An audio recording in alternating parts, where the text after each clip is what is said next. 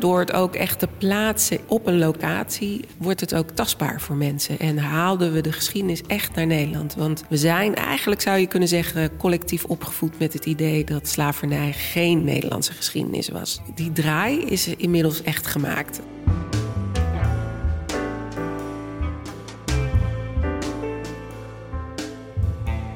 Dat is wel heel bijzonder ook aan de bezoekers. Uh, veel Zuid-Afrikanen ook die in Nederland uh, wonen, maar ook mensen die zich in hebben gezet voor die strijd tegen apartheid. Uh, dat die echt even komen kijken en ook een gevoel van thuis een beetje hebben. En dat is denk ik ook wel de kracht van kunst.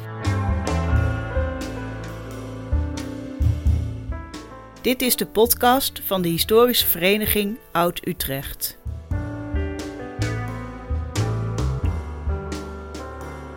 Arjan den Boer spreekt met Utrechtse historici over de geschiedenis van de stad en hun fascinatie daarvoor.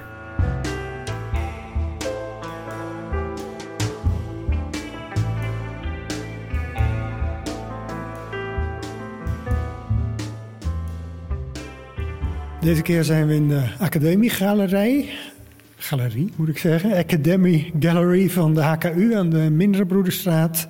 Op de tentoonstelling Cape X Utrecht gaat over de relatie tussen de Kaapkolonie en Utrecht. En ik spreek met eh, Nancy Jouwen, uh, samenstellen, mede-samenstellen van de tentoonstelling. En ook van het uh, boek Slavernij in de stad Utrecht, dat twee jaar geleden uh, verscheen. Goedemiddag, Nancy. Hi, leuk dat je er bent.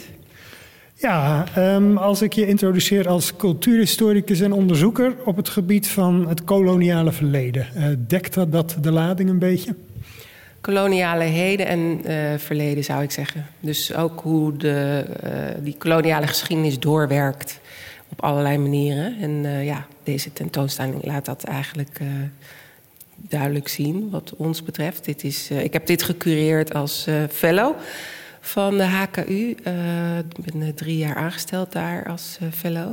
En uh, ik heb dit samen met Mitchell Esaias van de Black Archives gedaan. dus we hebben dit samen gecureerd. Ja, en er is ook materiaal van de Black Archives, zelfs tot de boekencollectie aan toe, begrijp ik, is hier ook tentoongesteld. Ja, dat klopt. Uh, er zitten van uh, nou, bijvoorbeeld uh, een oud anti-apartheidsactivist... die zijn ehm, ja, werk en zijn documenten en zijn boek heeft geschonken aan de Black Archives, Adriaan van Dis. nou ja, dus echt ook wel boeken die aansluiten op, op het thema van deze tentoonstelling. Ja, je hebt je de afgelopen jaren of lange periode eigenlijk onder andere bezig gehouden met slavernijgeschiedenis. Hoe is die focus uh, zo ontstaan? Want het is een thema wat lange tijd weinig aandacht kreeg, maar de laatste jaren juist heel veel. Hoe ben je zelf op dat uh, pad terechtgekomen? Ja, nee, ik was eigenlijk al wat langer met koloniale geschiedenis bezig. Uh, ik heb uh, net als jij aan de Universiteit Utrecht gestudeerd, 30 jaar geleden ongeveer deed ik mijn eerste stage. Of nou, langer geleden. En um, dat, dat, dat had al een, een, een koloniale geschiedenis onderwerp. Um, en um, ik heb uh, uh, vrouwenstudies en cultuurgeschiedenis gedaan. Maar het was bij vrouwenstudies, wat nu genderstudies heet, uh, dat ik überhaupt iets te lezen kreeg over slavernij. Niet bij cultuurgeschiedenis, heel interessant. Uh, en ik kan me ook niet echt herinneren dat ik er echt iets over kreeg op school. De middelbare school, laat staan de lagere school. Maar op een gegeven moment ben ik uh, vanaf 2006 uh, artistiek directeur geworden van een kleine culturele instelling hier in Utrecht, Cosmopolis Utrecht. En um, ja, ik herinnerde mij die lessen weer. En ik dacht ook van, nou ja, als ik die vraag projecteer op, op mijn stad, mijn eigen stad mijn eigen stad. Hè? Wat is de relatie tussen deze stad en de koloniale geschiedenis of zelfs de slavernijgeschiedenis? Um, ja, wat, wat krijg ik dan te zien? Daar was ik nieuwsgierig naar. Um, en uh, er waren twee dingen die mij, denk ik, in die tijd getriggerd hebben. Eén was de culturele instellingen in Utrecht waren heel erg bezig met uh, uh, de vrede van Utrecht. Um, Wat in, uh, in uh, 1713 was en in 2013 groots gevierd is. Klopt. En uh, nou ja, er werd al een aantal jaar flink naartoe gewerkt door Cultureel Utrecht. En een van de dingen die daarbij besproken is uh, in 1713, 1712, 1713, toen nou ja, half Europa met ja, representanten van verschillende naties en empires van Europa hè, allemaal tezamen kwamen in Utrecht. Een van de onderhandelpunten waar heel hard over, handeld, over onderhandeld werd, was het Asiento de Negros. En dat was eigenlijk een heel lucratief contract om ja, het alleenrecht te krijgen om slaven, tot slaafgemaakte, aan de Spaanse kroon te kunnen verkopen. Dus daar werd hier in Utrecht over onderhandeld. En dat, dat contract uh, dat ging toen naar de Engelsen. Dat was tot die tijd in de handen van een aantal Nederlanders... die ja, gelieerd waren aan de West-Indische Compagnie. En um, toen ging het naar de Engelsen. En ik vond dat zo'n interessant gegeven... waar verder eigenlijk bijna niemand iets mee deed. En een andere trigger was een, uh, ja, een uh, uh, opiniestuk van Anil Ramdas in de zomer van 2010. Uh, toen hij in een opiniestuk in de krant schreef: Waarom doen we zo raar in Nederland over die slavernijgeschiedenis? Uh, het wordt heel, als het al besproken wordt, is het heel cool en berekenend. En ik dacht, ja, hij heeft daar een punt. En ook dat ja, heb ik weer geprojecteerd op mijn eigen stad. En zo is het eigenlijk gekomen. Uh, nou, ik heb toen uh, met allerlei andere samenwerkingspartners uh, een on, ja, project, cultureel project Sporen van Slavernij Utrecht opgezet. Dus dat heb ik uitgedacht in 2010 en we hebben het uitgevoerd in 2011 en 2012. Was dat een wandelroute, heb ik dat goed? Langs, langs punten in de stad of was het meer dan dat? Er waren vier onderdelen. Um, we deden eigenlijk gewoon echt samenkomsten waarin we uh, filmvertoningen deden of uh, sprekers uitnodigden die kennisspecialisten op dit gebied waren. Dat was één. Um, twee, we nodigden beeldend kunstenaar Marcel Pinas uh, uit uit Suriname. een begenadigd visueel kunstenaar um, die internationaal bekend is, maar in Nederland eigenlijk nou, nog, vind ik, uh, niet echt de erkenning krijgt die hij zou moeten krijgen. Maar wat interessanter ook is, hij heeft een Maron-achtergrond. Dus uh, mensen die vluchten van de plantages en eigen leven begonnen. En hij heeft eigenlijk het idioom van die groep um, gebruikt in zijn uh, beeldtaal als kunstenaar. Dus dat vonden we heel interessant. Ten derde hebben we um, de Kitty Kotti tafel georganiseerd samen met de Mercedes Zandwijken, die toen eigenlijk net begon. Uh, ja, nu zie je het overal in Nederland. En inderdaad, het vierde uh, onderdeel was uh, een wandeling. En um, die wandeling is eigenlijk ontworpen op, op basis van onderzoek van Esther Captain. samen met Hans Visser, een lokale historicus. En die hebben we toen in november 2011, dus deze maand 12 jaar geleden, gelanceerd in de winkel van Sinkel. Dus ja, de wandeling bestaat inmiddels 12 jaar. En dan moet je bijvoorbeeld denken, voor de mensen die het niet kennen, aan bijvoorbeeld geveltekens die aan het koloniale of slavernijverleden refereren, of panden in de stad. Dat, die komen hier trouwens weer terug hè, in verband met Zuid-Afrika, maar die dus een rol gespeeld hebben in die geschiedenis. En voor die tijd was daar eigenlijk heel weinig aandacht voor, zowel landelijk als zeker ook in de lokale geschiedschrijving in Utrecht. Want er was toch altijd het idee, ja, uiteraard eh, Amsterdam en de andere VOC-steden, daar, daar speelde dat veel meer. En Utrecht stond daar eigenlijk buiten. Uh, maar jullie kwamen er toen al achter dat dat niet helemaal klopt. Ja, Utrecht keek eigenlijk zelfs naar zichzelf als een stad waar het kolonialisme aan voorbij was gegaan. Uh, laat staan dat de stad iets had te maken met slavernij. Bovendien, er was geen VOC-kamer, er was geen WIC-kamer.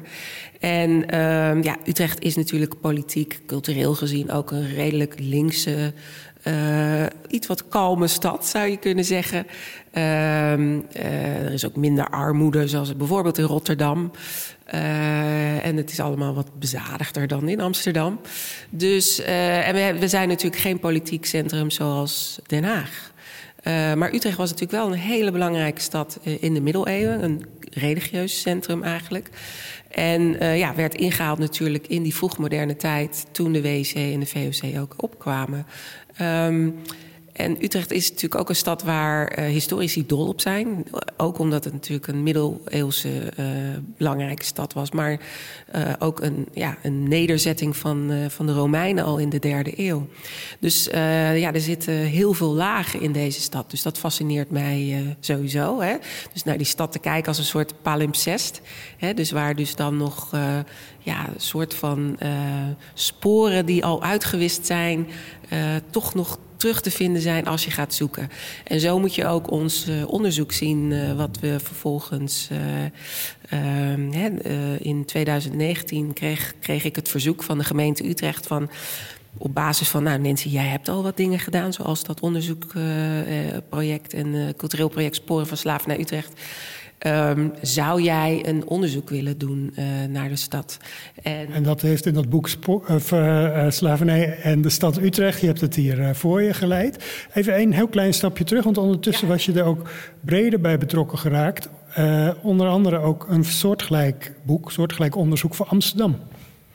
Dat klopt. Ik ben eigenlijk toen ik uh, ja, eh, stopte uh, met werken bij Cosmopolis Utrecht, uh, ja, omdat de subsidie ook stopte, toen ben ik eigenlijk wat meer de freelance kant op gegaan en ja, eigenlijk ook meer weer de onderzoekskant op gegaan. Dat trok toch weer. En um, ja, vrij snel daarna, eigenlijk doordat we in Utrecht dat, dat project Sporen van Slavernij Utrecht hadden gedaan, werd ik door historicus Dienke Hondius van de Vrije Universiteit benaderd. Van goh, uh, wat jullie hier in Utrecht hebben gedaan, uh, dat zou eigenlijk heel goed zijn om dat landelijk uh, en in andere steden te gaan doen. En daar is het project Mapping Slavery uit ontstaan. En um, met een aantal, uh, vooral vrouwen, die uh, of historicus of erfgoedprofessional waren of museumprofessional, zijn we eigenlijk begonnen om dat idee van, nou, hoe zijn die sporen terug te vinden in de stad? Via inderdaad gevelstenen, via ja, familiegeschiedenissen, maar ook allerlei andere manieren. maar hoe kun je het lokaliseren en koppelen aan een, ja, een locatie, een persoon, geschiedenis, uh, en maar ook die, die materiële sporen. En toen, uh, ja, met Mapping Slavery hebben we uiteindelijk drie uh, gidsen uitgegeven. Dus ik was al helemaal in dat onderwerp gedoken en dat viel blijkbaar op. ook omdat we natuurlijk met Mapping Slavery ja, publieksgeschiedenis deden. Dus we maakten ehm, uh, geschiedenis die uh, misschien eigenlijk al wel onderzocht ooit was, maar heel ontoegankelijk voor de, ja, hè, de gewone man en vrouw. Uh, om die heel toegankelijk te maken. Zowel via tekst als, als ook in beeld. Dus um, in de gidsjes vonden we het ook heel belangrijk om steeds historisch en, en hedendaags beeld erbij te halen. Maar door het ook echt te plaatsen op een locatie ehm, wordt het ook tastbaar voor mensen. En haalden we de geschiedenis echt naar Nederland. Want we zijn eigenlijk, zou je kunnen zeggen, collectief opgevoed met het idee dat slavernij geen Nederlandse geschiedenis was. En uh, nou. Die, die draai is inmiddels echt gemaakt. We hebben inmiddels inderdaad uh, ja, kunnen vaststellen dat slavernij um, Nederlandse geschiedenis is. En um, ja, die onderzoeken die we in de verschillende steden hebben gedaan, in opdracht ook van de gemeentes, is eigenlijk in Rotterdam begonnen. Toen ging Amsterdam natuurlijk snel aansluiten. En, en later Utrecht. Uh, even. Uh, begrijp ik het dan goed dat het uh, sporen van slavernij in Utrecht tien jaar geleden eigenlijk de trigger is geweest uh, of een trigger, hè, want er spelen veel meer ontwikkelingen. Maar waardoor uh, landelijk eigenlijk ook die, die drie onderzoeken uiteindelijk mede tot stand zijn gekomen. Nou, ik denk dat het heeft meegeholpen. In ieder geval maatschappelijk meer, meer toegang, kennis en daardoor, daardoor ook groeiende urgentie. Maar het ging natuurlijk samen met allerlei andere uh, bewegingen die uh, zeg maar ook activisten op dat moment uh, veroorzaakten. Um, ik denk aan de Gouden Koets in 2011, waarbij Beryl Biekman, Jeffrey Pondaag en twee parlementariërs op dat moment van de SP en van GroenLinks ook aan meededen om nou, eigenlijk hè, dat paneel waarin eigenlijk uh, de koloniale geschiedenis wordt verheerlijkt, om dat te problematiseren. Maar ook uh, natuurlijk uh, de acties tegen Zwarte Piet. Waar Quincy Gario als kunstenaar mee begon, als, als kunstproject. En later mede met anderen, waaruit een hele beweging is ontstaan. En vervolgens werd dat eigenlijk een soort tweede golf van, van antiracisme in Nederland. Dus je zag op allerlei gebied, zag je ongelooflijk veel beweging, waardoor dus überhaupt het uh, onderwerp koloniale geschiedenis veel uh, belangrijker werd. En daarbinnen ook, uh, ook die slavernijgeschiedenis. Dus dat werd door lokale politici opgepikt die de moties indienden in Rotterdam, Utrecht, Amsterdam en ook Den Haag. En uiteindelijk ook landelijk zelfs. En dat heeft onderzoeken opgeleverd met boeken. Uh, Rotterdam zelfs drie kloeke boeken. En ook ja, formele excuses. En dat was natuurlijk heel bijzonder. En die zijn toch eigenlijk gerelateerd aan die onderzoeken die jullie gedaan hebben? 100 procent. En vervolgens uh, ja, kon de premier uiteindelijk niet achterblijven. Hè, nadat vier burgemeesters van de vier grootste steden dat hadden gedaan. En uh, vervolgens uh, ook de koning, die natuurlijk dit jaar zijn excuses heeft aangeboden, maar ook vergiffenis zelfs heeft gevraagd. Hoe voelt dat om bij te gedragen te hebben aan zo'n, ja, het is toch wel een kleine omwenteling eigenlijk? Ja, je zou kunnen zeggen, dat is toch wel een soort paradigmawisseling. Uh, ja, toen ik begon in 2010 in Utrecht, had ik dit uiteraard niet kunnen bevroeden. Dus het is wel heel bijzonder dat, er, uh, ja, dat, dat deze omslag uh, zich heeft plaatsgevonden. Ik, ik, ben daar heel blij mee en ik, ik ben heel blij dat we daar uh, met z'n allen een bijdrage aan hebben kunnen leveren. En uh, ja, deze tentoonstelling is eigenlijk een, een nieuwe laag. Want Um, in die excuses uh, zag je natuurlijk dat er um, ja, werd gerefereerd aan de Afro-Surinaamse, Afro-Caribische gemeenschap. Eventueel ook een beetje de Indische of Molukse gemeenschap. Uh, uh, maar zeker niet aan, aan ja, andere gebieden waar Nederland ook slavernij en kolonialisme heeft gebracht. Zoals de Kaapkolonie, die eigenlijk niet genoemd werd bij de excuses van de premier of de koning, maar waar ook slavernij was. Precies. En ik was samen met Mitchell Esaias uh, een jaar geleden uitgenodigd in Kaapstad om een workshop te doen samen met uh, lokale kunstenaars, onderzoekers en activisten. Om een week lang eigenlijk samen te duiken in die gezamenlijke geschiedenis. Um, en daar hebben we ook uh, aan het einde van die workshopweek uh, allemaal presentaties gehouden. En um, ja, Mitchell en ik hadden eigenlijk zoiets van hier moeten we veel meer mee doen in Nederland. Het is eigenlijk een no-brainer. Laten we wat gaan doen. En daar is eigenlijk deze uh, ja, expositie ook deels uit, uh, uit voortgekomen. En wat wel uh, leuk is, ja, of interessant is, zou ik moeten zeggen. Het, het, koppelt ook weer aan die wandeling die we ooit zijn begonnen, twaalf jaar geleden. Want de AG-HKU-ruimte waar we nu zitten en waar de tentoonstelling plaats heeft. Uh, daar heeft ook uh, iemand gewoond die uh, in onze stadswandeling voorkomt. Namelijk Sarah Sibylla Verdion. Was rond 1730, hè? Klopt. geboren in Batavia als dochter van een VUC-koopman. getrouwd met een VUC-koopman. Die hebben samen goed geboerd. En ze kwam nou ja, via de Kaap naar Nederland toe met drie bedienden uit nou ja, het toenmalige Nederlands-Indië, die daar slaafgemaakt waren. En we weten nu natuurlijk niet wat hun uh, juridische positie was uh, toen ze eenmaal hier in Nederland uh, aankwamen. maar die hebben dus hier rondgelopen, die drie. Wij zitten nu op een soort bankje. We, bij wijze van spreken heeft die Sarah hier zelf op de bank gezeten. Op de plek waar wij nu zitten en is bediend door die, die mee uit Indië gekomen tot slaafgemaakte. Nou, zei je dat al even heel indirect. Uh, in Nederland was er officieel geen slavernij. Dus uh, soms kwamen de bedienden mee met kolonialen die uh, naar het vaderland terugkeerden. En dan kregen feitelijk die bedienden juridisch wel een andere status, een vrijere status. Maar in de praktijk stelde dat waarschijnlijk niks voor. De slavernij was sinds de middeleeuwen uh, verklaard als ja, verboden in Nederland. Uh, dat had ook uh, uh, zeker een relatie met de Spanjaarden, de Spaanse overheersing. Hè. dat werd ook door Willem van Oranje gebruikt als een als propagandamiddel van wij willen geen slaven van de Spanjaarden zijn. Dus er was al nagedacht over wij willen, dat willen we niet voor onszelf. Um, dus um, ja, wat doe je dan met slaafgemaakten die daadwerkelijk naar Nederland komen? Dus in theorie waren ze hier vrij, maar in de praktijk hebben we gezien in onze onderzoeken in verschillende locaties dat dat uh, in praktijk dus heel anders was. En we weten daar ook nog veel te weinig over.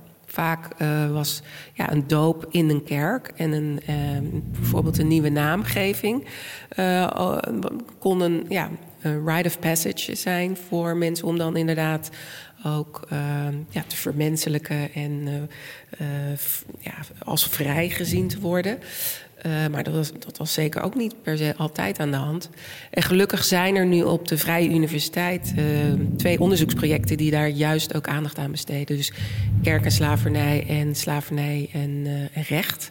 Om daar eens wat dieper in te gaan zitten. Want daar weten we gewoon veel te weinig nog over.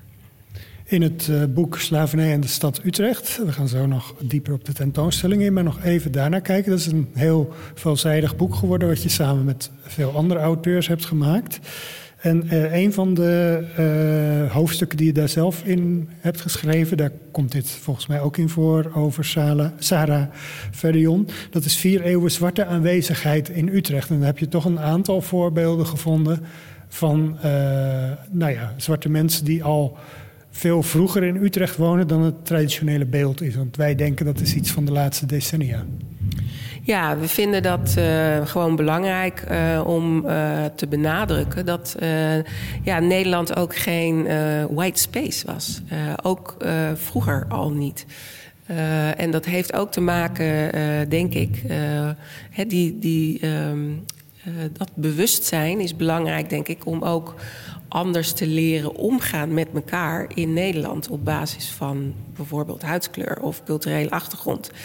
Um, de, uh, ja, de verschillende onderzoeken laten zien. We weten van uh, Amsterdam dat er bijvoorbeeld echt al een zwarte gemeenschap leefde in de 17e eeuw. En dat weten we dankzij uh, schilderij van Rembrandt onder andere. Um, nou ja, dus het laat zien dat zwarte aanwezigheid er al eeuwenlang is. Ja, en je zou zelfs kunnen zeggen, in het geval van Utrecht specifiek, uh, hè, met uh, het zijn van een Romeinse nederzetting in de derde eeuw. Uh, we weten inmiddels uit onderzoek uit Engeland dat er in de derde eeuw al zwarte mensen in Engeland rondliepen. dankzij dat Romeinse Rijk. Dus ik, ja, ik zou me ook kunnen voorstellen dat het ook al in de derde eeuw voorkwam. Daar heb ik natuurlijk geen enkel bewijs voor. Maar je kan het je zo voorstellen dat hier op het Castellum op het Domplein ook ja. zwarte Romeinse soldaten, moet ik dan aan denken, liepen? Precies, ja. Want nou in Engeland hadden ze dan nog nou, hè, water over moeten gaan zelfs. Uh, maar zelfs daar was het al aan de hand. Ja. Maar die, die vier eeuwen uh, zwarte aanwezigheid in deze stad, uh, dat moet je ook zien in termen van ja, mensen die dus als bediende werkten hier, maar ook vrije zwarte mensen. Zoals Eduard van Akaboa, die hier al in 1652 als vrij zwart man woonde en goed was uh, in metaalbewerking. Uh, we vermoeden dat hij uh, ergens uit Angola waarschijnlijk is gekomen. Waarschijnlijk ooit wel tot slaaf gemaakt. En dat zijn dingen die we natuurlijk allemaal nu niet weten. maar we weten wel dat hij ja, een onderdeel was van de Utrechtse gemeenschap. En ook is getrouwd met een Utrechtse vrouw. Ze hebben een kind gekregen. Die kreeg ook weer kinderen. En zijn achterkleinzoon weten we, uh, kreeg dezelfde naam, e- Eduard van Accaboa junior. En daarvan weten we ook dat hij de meesterproef heeft afgelegd. En dat hij um, kopergieter is geworden. En dat uh, veel van zijn werk ook nog in uh, kerken in, in de provincie Utrecht is terug te vinden. Dus dat, ja, dat zijn toch wel hele bijzondere verhalen, denk ik. Er is nog een soort gedenkraam aan de Lange Lauwerstraat van hem te vinden, hè?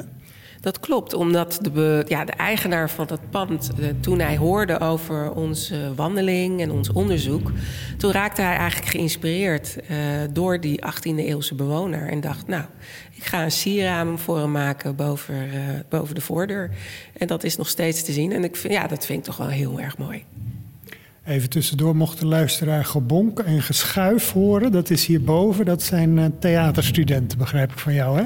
Die met materiaal of banken schuiven.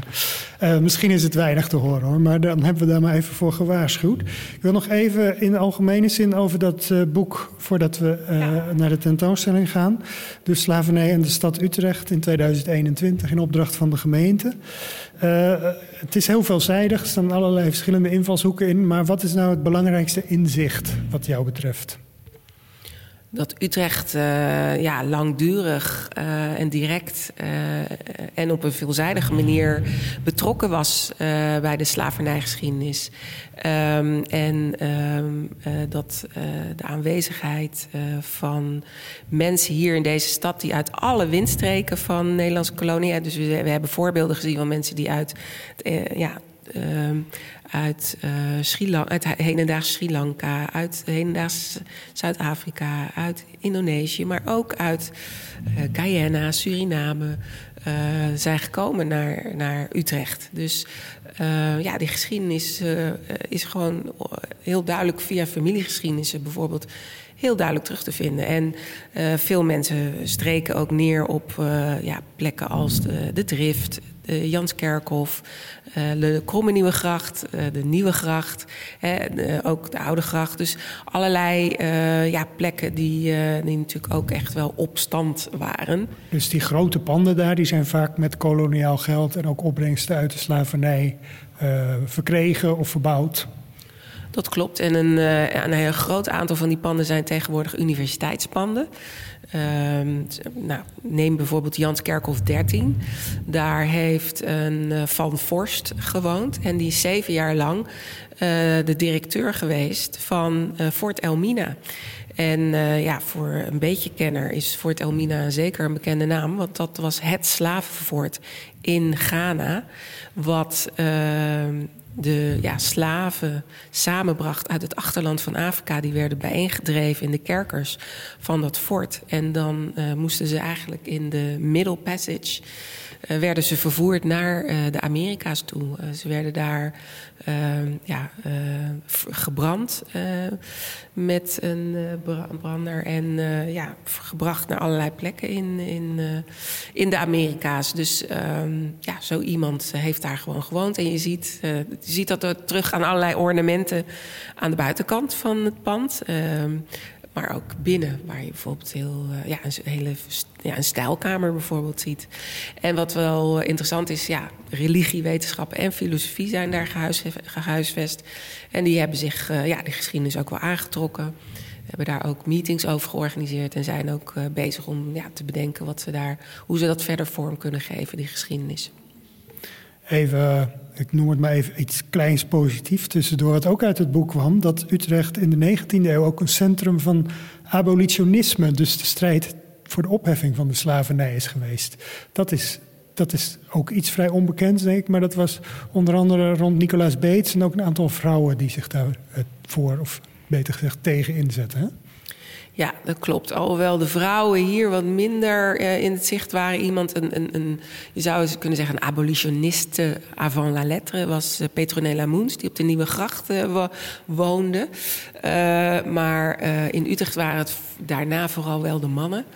Um, waaronder uh, Julian Wolbers ook en uh, Nicolaas Beets inderdaad. Maar ook Jan Akkersdijk bijvoorbeeld. Um, die zich allemaal uh, hebben ingezet. En ja, Nicolaas Beets heeft ook bijvoorbeeld een, een bekende publieke speech gehouden in 1856. Hè, toen slavernij dus gewoon nog nog, nog niet eens afgeschaft was. Bij het conservatorium, waarin hij eigenlijk opriep om eh, slavernij af te, schappen, af te schaffen, omdat het niet volgens christelijke normen en waarden was en ook niet meer van deze tijd. Hij was iemand die heel erg werd beïnvloed bijvoorbeeld door William Wilberforce, een, uh, een Engelse uh, parlementariër die uh, zich heel erg actief heeft ingezet tegen slavernij. Je ziet ook dat veel Engelsen naar Nederland kwamen om speaking tours te doen. En in Nederland is het nooit echt een massabeweging geworden, maar wel degelijk hebben nou, invloedrijke Utrechters zoals Julian Wolbers, zoals Nicolaas Beets uh, zich wel actief ingezet. En wat wel leuk is, en dat heeft dan weer wat minder met Utrecht te maken, maar bijvoorbeeld de eerste politieke petitie was van een groep vrouwen uit Rotterdam. Die uh, dus ja, de koning een petitie aanboden waarin ze eigenlijk ook pleiten voor de afschaffing van de slavernij. We gaan het eens even over de uh, tentoonstelling hebben. Je hebt er al wat introducerends over gezegd hoor. Maar Cape X Utrecht, over de relatie uh, tussen de Kaapkolonie, maar ook het huidige uh, Kaapstad en Zuid-Afrika.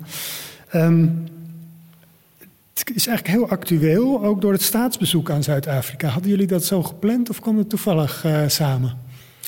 Ja, soms zit, zit er iets in de lucht. Hè? Dus ehm, kijk, dat is natuurlijk wel zo. Toen, uh, ik verwees al eerder naar het bezoek uh, wat Mitchell Esaias en ik aan Kaapstad brachten een jaar geleden. En daar zagen we ook, en ik had dat bij een eerder bezoek in 2018 ook al gezien, dat er gewoon wel een, een duidelijke herinneringsgemeenschap in Kaapstad woont, die zich dit nog heel goed herinnert. Omdat die herinnering is doorgegeven.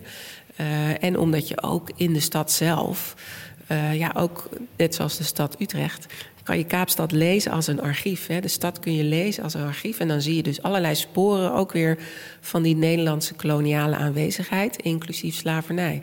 De twee oudste gebouwen in die stad. Um, kasteel de Goede Hoop en de Slave Lodge dat zijn uh, allebei. Kom gerust verder hoor. Ja, er zijn hier ondertussen ook nog bezoekers. Geen probleem. Ja, de twee oudste gebouwen van Kaapstad zijn uh, gebouwen die door de VOC zijn gebouwd. Ehm, waar nou, in het kasteel natuurlijk soldaten woonden, maar in de Slave Lodge, ja, de slaven waren.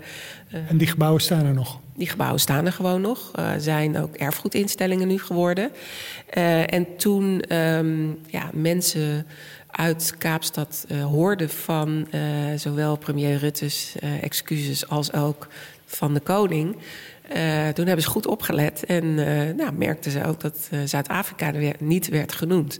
Dus die hadden ook zoiets van: wacht even. Um, dus die zijn ook geïnterviewd door journalisten en ja, hebben ook van, echt van zich laten horen. Dus ik denk dat dat ook is overgekomen. Uh, wellicht was er al een handelsmissie gepland, maar daar is ja, toch wel een bezoek aan de Slave Lodge aan toegevoegd. Ja, dat, was, uh, dat hebben we allemaal in het nieuws kunnen zien. Een soort, nou, op stootjes veel te veel gezegd, maar een soort ongemakkelijke situatie met de koning en uh, vertegenwoordigers van uh, zogenaamde inheemse volkeren van Zuid-Afrika. En dat raakt eigenlijk aan het ontstaan van die Kaapkolonie. En ik denk dat lang niet iedereen dat helder heeft hoe dat werkte. En dat de tot slaaf gemaakt in Zuid-Afrika weer niet die inheemse volkeren zelf waren, maar van elders werden gehaald. Ja, die werden onder andere uit uh, Indonesië gehaald en Maleisië en uh, nou, gebieden in, uh, zeg maar in de Indische Oceaan. Um, en, maar kijk, de, inheemse volken, de Kwekwe mensen en de San.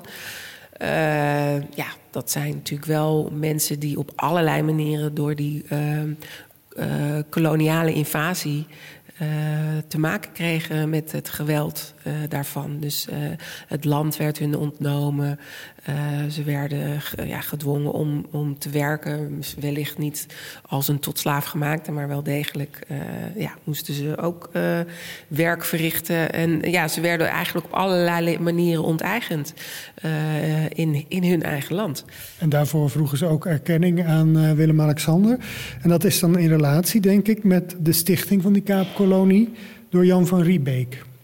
Dat was, heb ik genoteerd hoor, 1652, een VOC-nederzetting. En daar is eigenlijk die kolonie uit ontstaan. Kun je dat wat toelichten? Want ik denk niet dat iedereen zo goed is in dat stukje geschiedenis, wat dus ook deels Nederlandse geschiedenis is. Ja, wat heel vreemd is, want uh, luister maar naar het Afrikaans en dan, uh, ja, dan zie je heel veel Nederlandse woorden.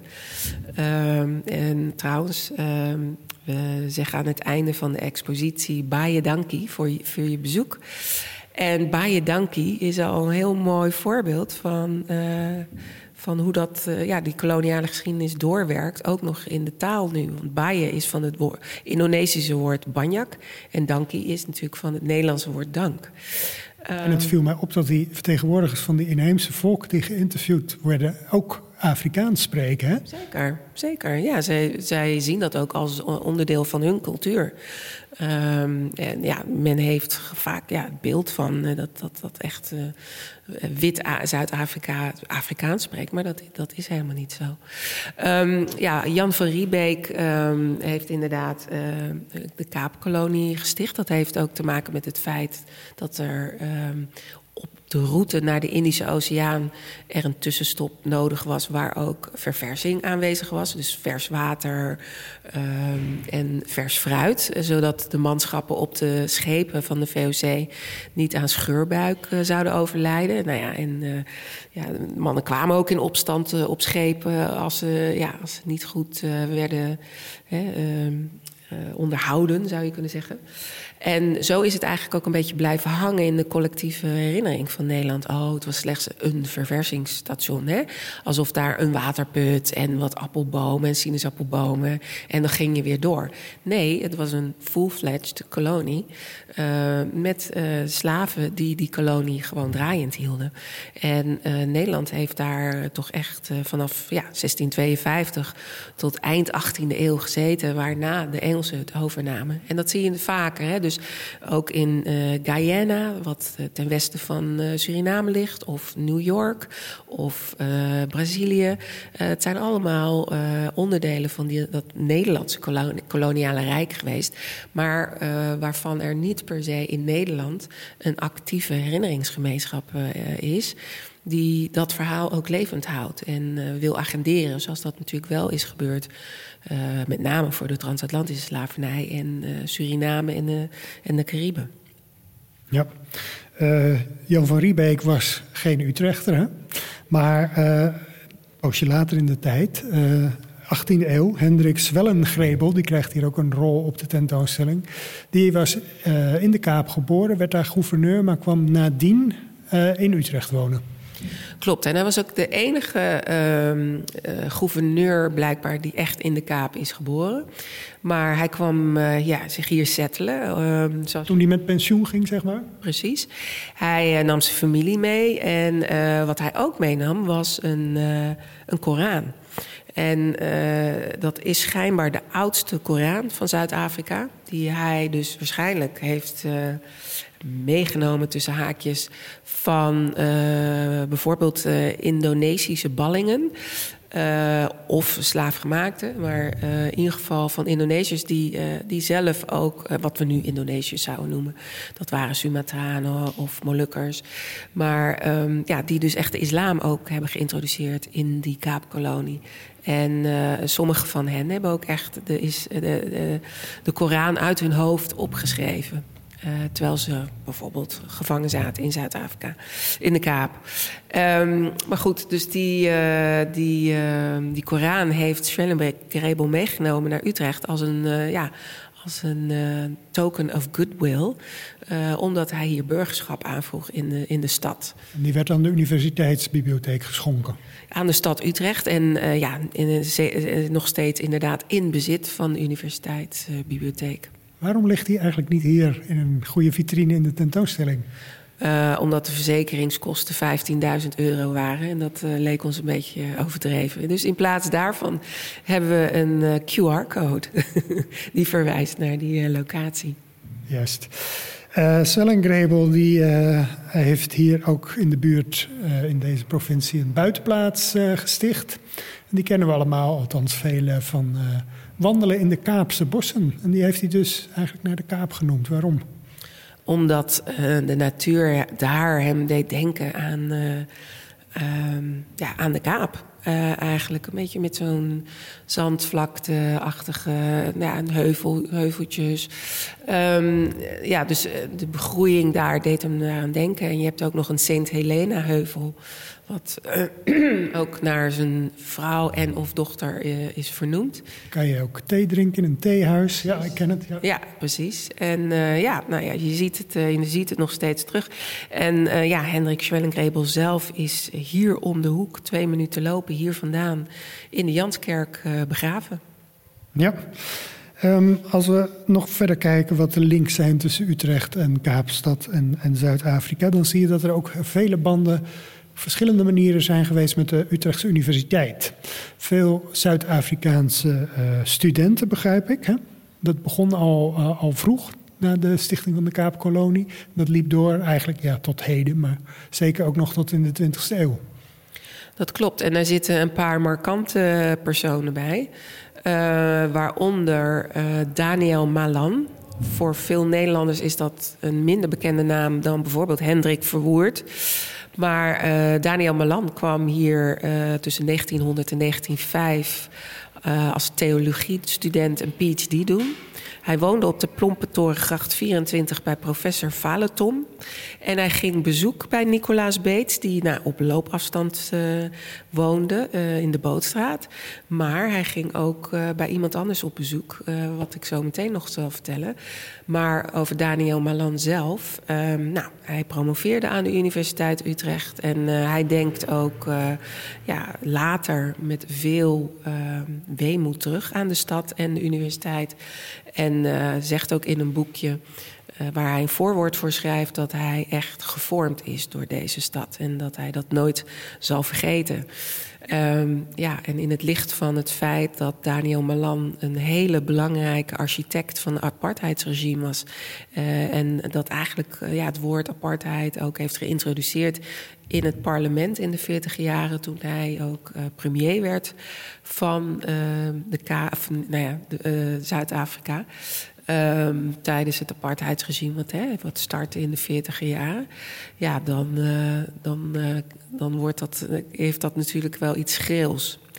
En uh, we weten inmiddels ook dat hij nog iemand anders bezocht in zijn studentenjaren. Want ook weer hier om de hoek van waar wij nu zitten, op Janskerkhof 10, daar zit Hotel Peiba. En daar zat Paul Kruger. De president van Zuid-Afrika, Transvaal heette dat toen? Ja, van uh, nou, de plek waar de boers of de boeren, uh, de nazaten van boeren die in de VOC-tijd naar Zuid-Afrika waren gebracht, naar de Kaap, om daar ook echt land uh, te bezetten eigenlijk, maar ook ja, grond te bewerken. Um, ja, die nazaten kregen mot met de Engelsen. Uh, dus ontstonden, er stonden twee keer oor oorlogen. En op een gegeven moment werd het Paul Kruger de held in dat verhaal. Te, heet onder de voeten. Toen heeft uh, toenmalig koningin Wilhelmina ervoor gezorgd dat hij kon vluchten op een schip en naar Europa werd gebracht. En dat was in 1901, geloof ik, hè? Precies, en toen kwam hij dus terecht in Hotel Peiba op Jatkerkhof 10, waar dezelfde Daniel Malan hem ook weer bezocht. En Utrecht uh, was heel trots op dat uh, ge gegeven. Dat, uh... Ja, want heel Nederland steunde eigenlijk die boeren op een, op een gepassioneerde wijze. Hè? Men voelde dat destijds echt als het broedervolk.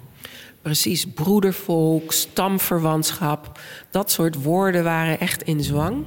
En nou, ik heb toevallig ook nog uh, recent een onderzoek gedaan over de ontstaansgeschiedenis van het Stedelijk Museum in Amsterdam.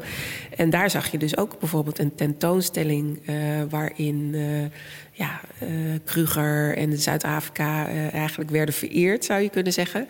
Maar terug in Utrecht zelf, ja er werd, uh, op een gegeven moment uh, waren er een paar boerengeneraals naar Utrecht gekomen. En toen heeft uh, Kruger ook een speech gehouden in de Domkerk. Echt om geld in te zamelen. En nou ja, we weten ook dat er een Paul Kruger, volgens mij borstbeeld of standbeeldje... in het academiegebouw van de Universiteit Utrecht heel lang heeft gestaan. Um, maar er werd ook, um, hij werd op een gegeven moment in uh, Huizen Oranjelust geplaatst op de Malibaan.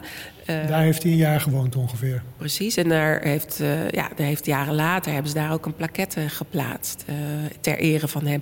En in het hotel, Peiba, heeft er heel lang ook nog een kamer, de Paul Krugerkamer geheten, met een, ja, met een schilderij van hem. Dat is wel interessant, want die plaquette, dat was nog in de jaren 50 geloof ik, hè, dat die geplaatst is aan de Malibaan. Maar dat veranderde natuurlijk opeens allemaal, ja, ik denk in de jaren 80, toen uh, de strijd tegen de apartheid in Nederland ook doordrong. En toen al die ja, dingen zijn uitgewist, zal ik maar bijna zeggen. Ja, nee, het, begon eigenlijk al eerder. Dus uh, ook hier weer misschien een uh, wat positiever aspect van Utrecht. Al in 1970 werd, werd, werkgroep Kairos opgericht. Ook weer op loopafstand van hier. Op de Kromme Nieuwe Gracht 10 zaten zij.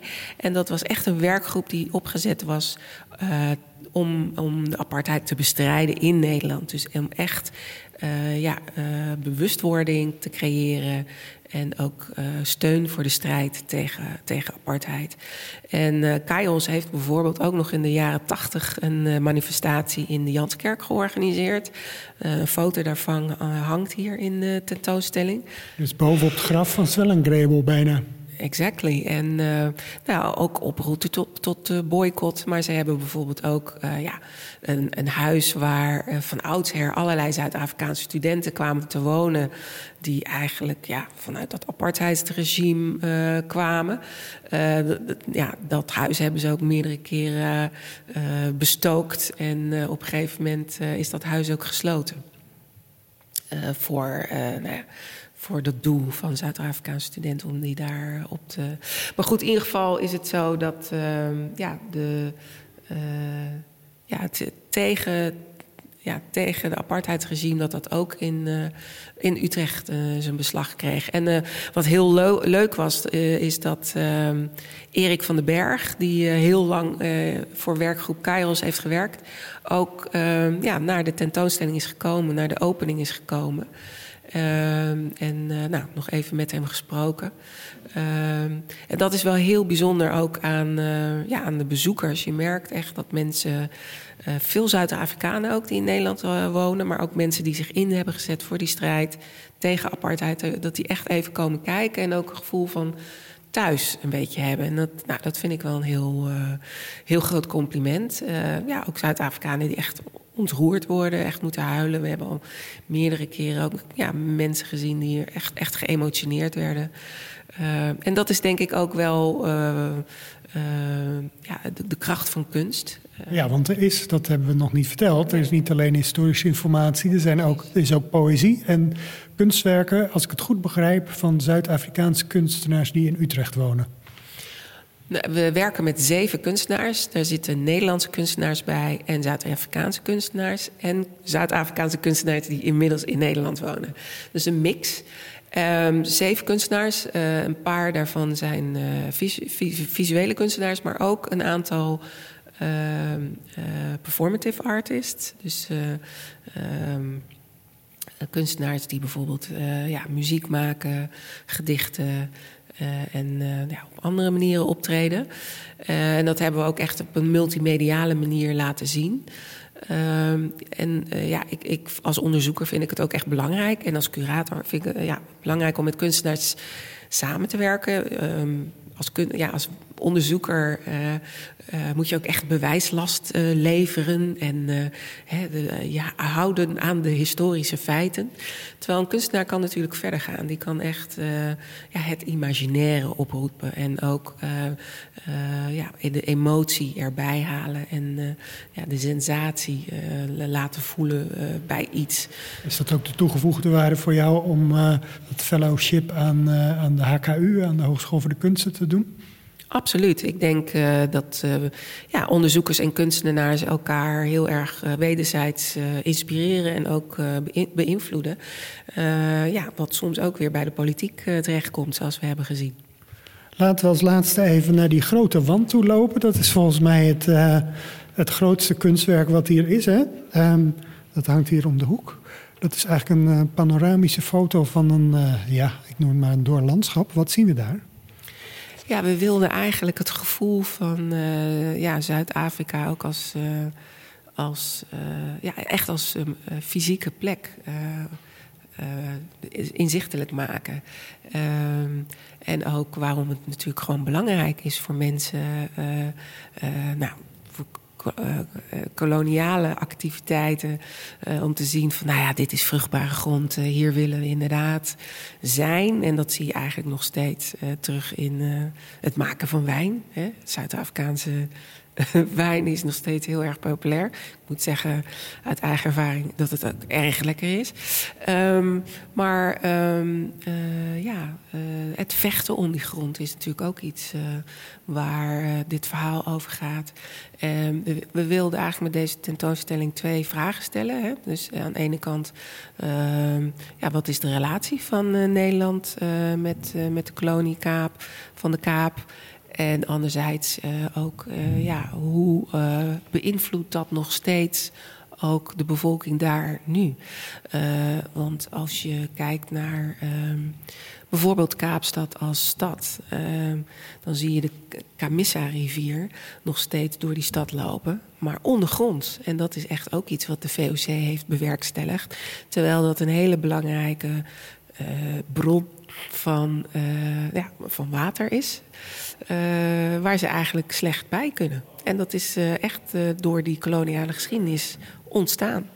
Ja, en zo kun je allerlei voorbeelden naar boven halen. En zo wil je eigenlijk steeds de koppeling leggen met het heden en de doorwerking van het verleden. Ja, en misschien nog één ander aspect wat we even, als we Ja. daar even naartoe lopen. Zijn dat eh, de grote foto's? Ja. Ehm, Prachtige zwart-wit portretfoto's uit 1994. Ja, nou van Wijk is een alumna van eh, HKU Fotografie. En zij heeft een portrettenreeks van een familie eh, gemaakt. eh, wat praat over de gangculture van in, eh, in Zuid-Afrika. Eh, wat je ook kunt eh, relateren aan die geschiedenis. En daarnaast hangt, hangt een bordje waarin eh, nou, ook nog een heel duidelijk cijfer staat. Eh, want in 2017 hadden witte Zuid-Afrikanen nog steeds 72 eh, procent van het land in eigendom. Terwijl zij eigenlijk maar 8 procent van de bevolking eh, zijn. Dus dat laat heel erg duidelijk zien hoe die verdeeldheid eh, generatie op generatie doorwerkt, ook nu. Ik geloof dat jouw eh, gasten binnenkomen, want je gaat stra- straks nog een rondleiding geven, heb ik begrepen. Eh, ik wil je hartelijk danken voor, eh, voor dit gesprek en de toelichting op de tentoonstelling. Die is nog tot en met 4 november, dat is komend weekend, aanstaande zondag te zien voor de snelle luisteraars. Voor degenen voor wie het al te laat is, die zullen het met jouw verhaal in deze podcast moeten doen. Hartelijk dank. Oké, dank je.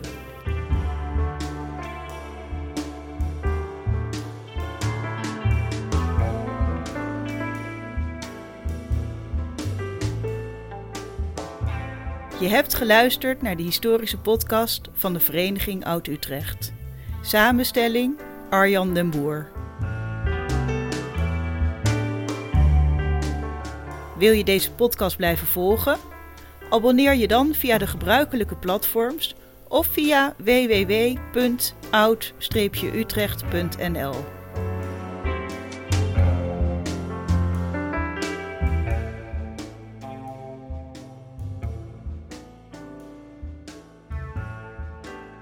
Wil je deze podcast steunen? Word dan lid van de Vereniging Oud-Utrecht en je ontvangt ook zes keer per jaar het tijdschrift Oud-Utrecht, het jaarboek en de uitnodigingen voor activiteiten.